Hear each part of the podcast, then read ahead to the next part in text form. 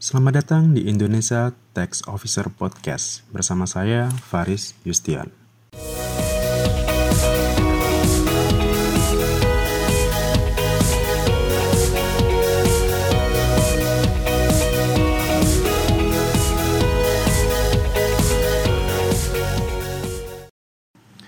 Hai semua, di episode kedua ini kita akan membahas mengenai jenis-jenis pajak. Terus apa aja sih pajak daerah itu? Terus yang pusat itu apa aja? Subjektif, objektif itu apa aja? Nah, kita akan membahas di episode kedua ini. Oke. Jenis pajak itu kalau menurut undang-undang dibedakan menjadi tiga bagian. Menurut institusi pengelola, menurut sifatnya, dan yang ketiga menurut sasarannya. Yang pertama, institusi pengelola. Itu dibedakan menjadi dua, pajak pusat dan pajak daerah.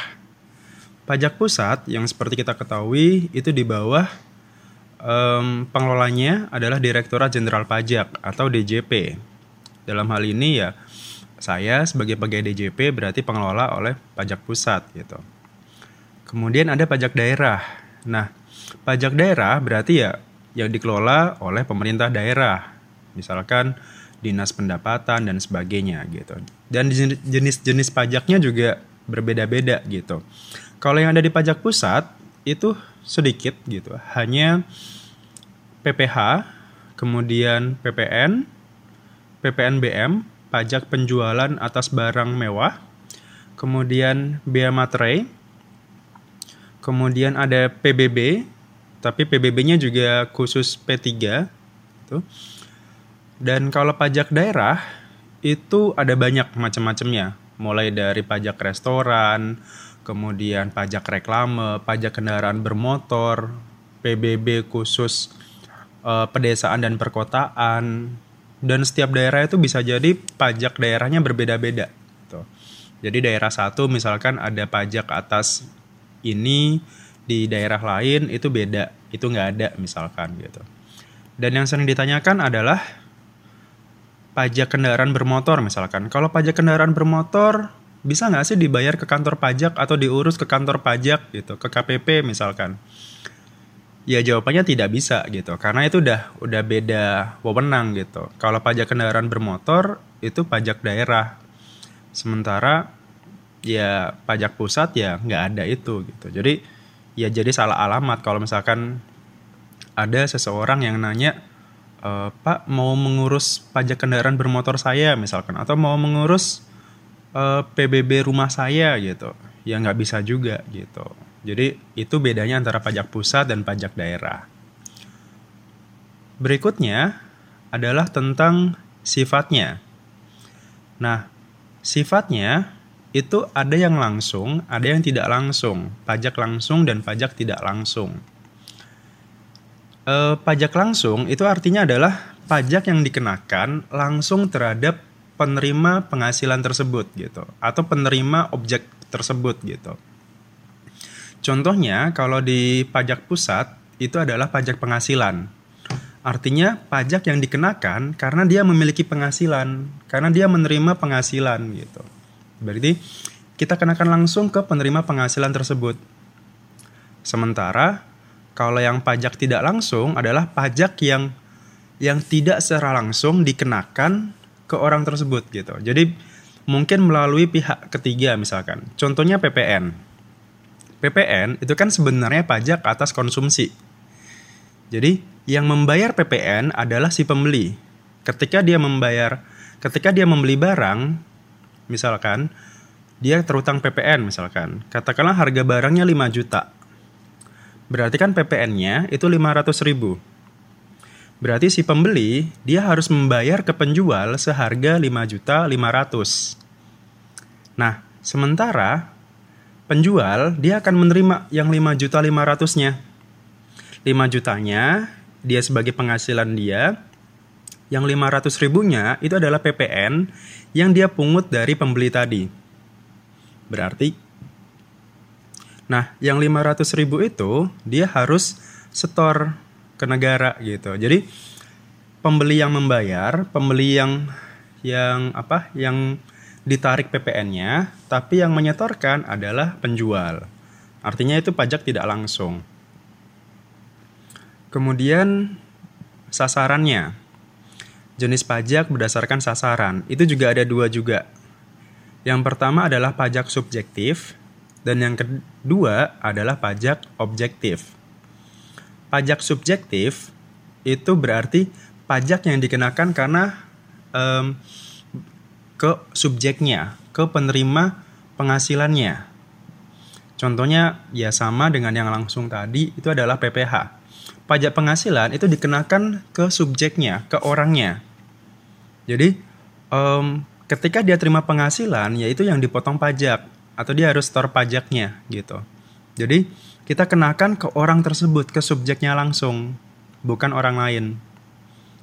Nah, sementara kalau yang pajak objektif itu ya berarti kita nggak melihat subjeknya, kita nggak melihat siapa ya kalau objektif ini contohnya adalah PPN sama kayak tadi, PBB juga sama, objektif juga. Jadi kita nggak melihat siapa subjeknya, kita nggak melihat siapa pembeli barang ini, atau kita nggak melihat siapa yang uh, menempati rumah ini atau yang memiliki rumah ini misalkan. Tapi kita melihat subobjeknya. Yang kita lihat adalah objeknya ini adalah objek pajak.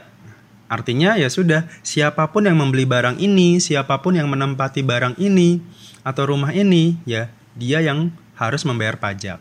Nah, karena tadi sudah dibahas perbedaan ada pajak pusat dan pajak daerah. Kita akan lebih mendetailkan lagi tentang perbedaan itu gitu. Karena ini paling sering ditanyakan, terus paling jadi apa ya, kayak keluh kesah gitu. Contohnya seperti ini. Restoran itu seolah-olah dipotong pajak dua kali gitu. Jadi mungkin bagi yang punya pemilik restoran atau yang punya uh, rumah makan gitu kan, loh Pak, saya udah bayar pajak restoran, kok saya harus bayar pajak penghasilan lagi gitu kok kayak dua kali saya harus bayar pajak gitu kan. Nah, kita akan bahas di sini gitu. Pada dasarnya itu adalah pajak daerah dan pajak pusat gitu. Ketika kita memiliki uh, usaha restoran, artinya kan kita menjual makanan di situ kan kita menjual uh, makanan makan ya restoran lah yang namanya ini. Nah, pajak restoran itu adalah salah satu contoh dari pajak daerah tadi gitu. Dan itu di hampir semua daerah ada namanya pajak restoran. Kalau nggak salah untuk tarifnya sendiri sekitar 10% gitu. Jadi katakanlah uh, saya punya restoran, kemudian omset saya sebulan 10 juta misalkan. Nah, berarti pajak saya atas pajak restoran itu adalah ya 10 juta kali 10 persen kalau hitungannya dari omset ya, saya juga kurang tahu kalau dari restoran itu seperti apa, tapi biasanya sih dari omset dari penjualan dia di restoran itu gitu. Jadi yang dikenakan adalah karena dia memiliki restoran gitu, karena usahanya dia adalah usaha restoran gitu.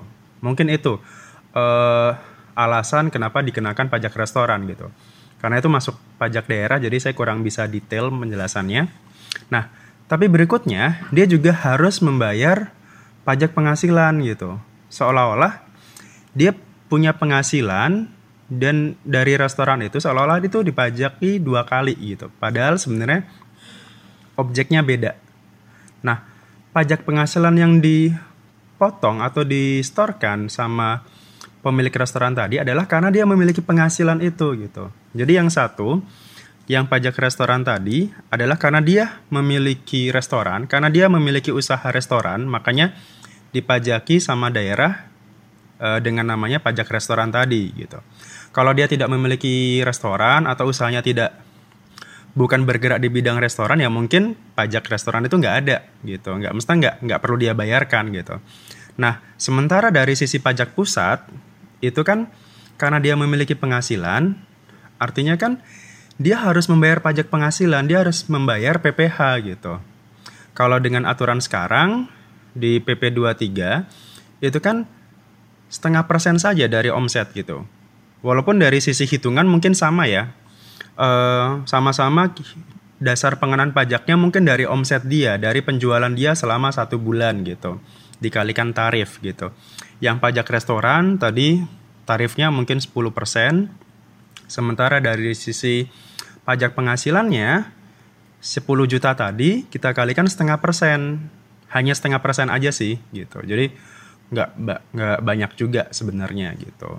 Dan itu tiap bulan gitu. Maksudnya omset bulan ini berapa kalikan setengah persen?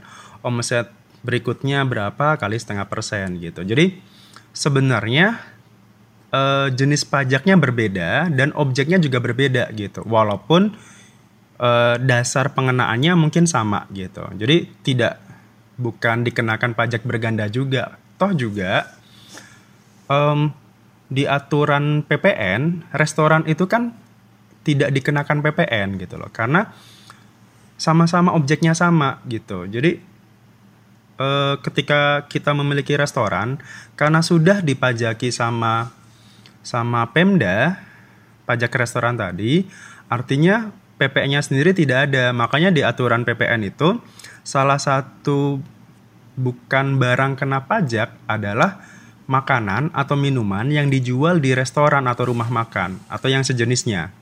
Kenapa? Karena objeknya sama, jadi biar tidak tidak apa uh, tidak kena pajak berganda karena sama-sama objeknya adalah makanan yang dijual di restoran tersebut.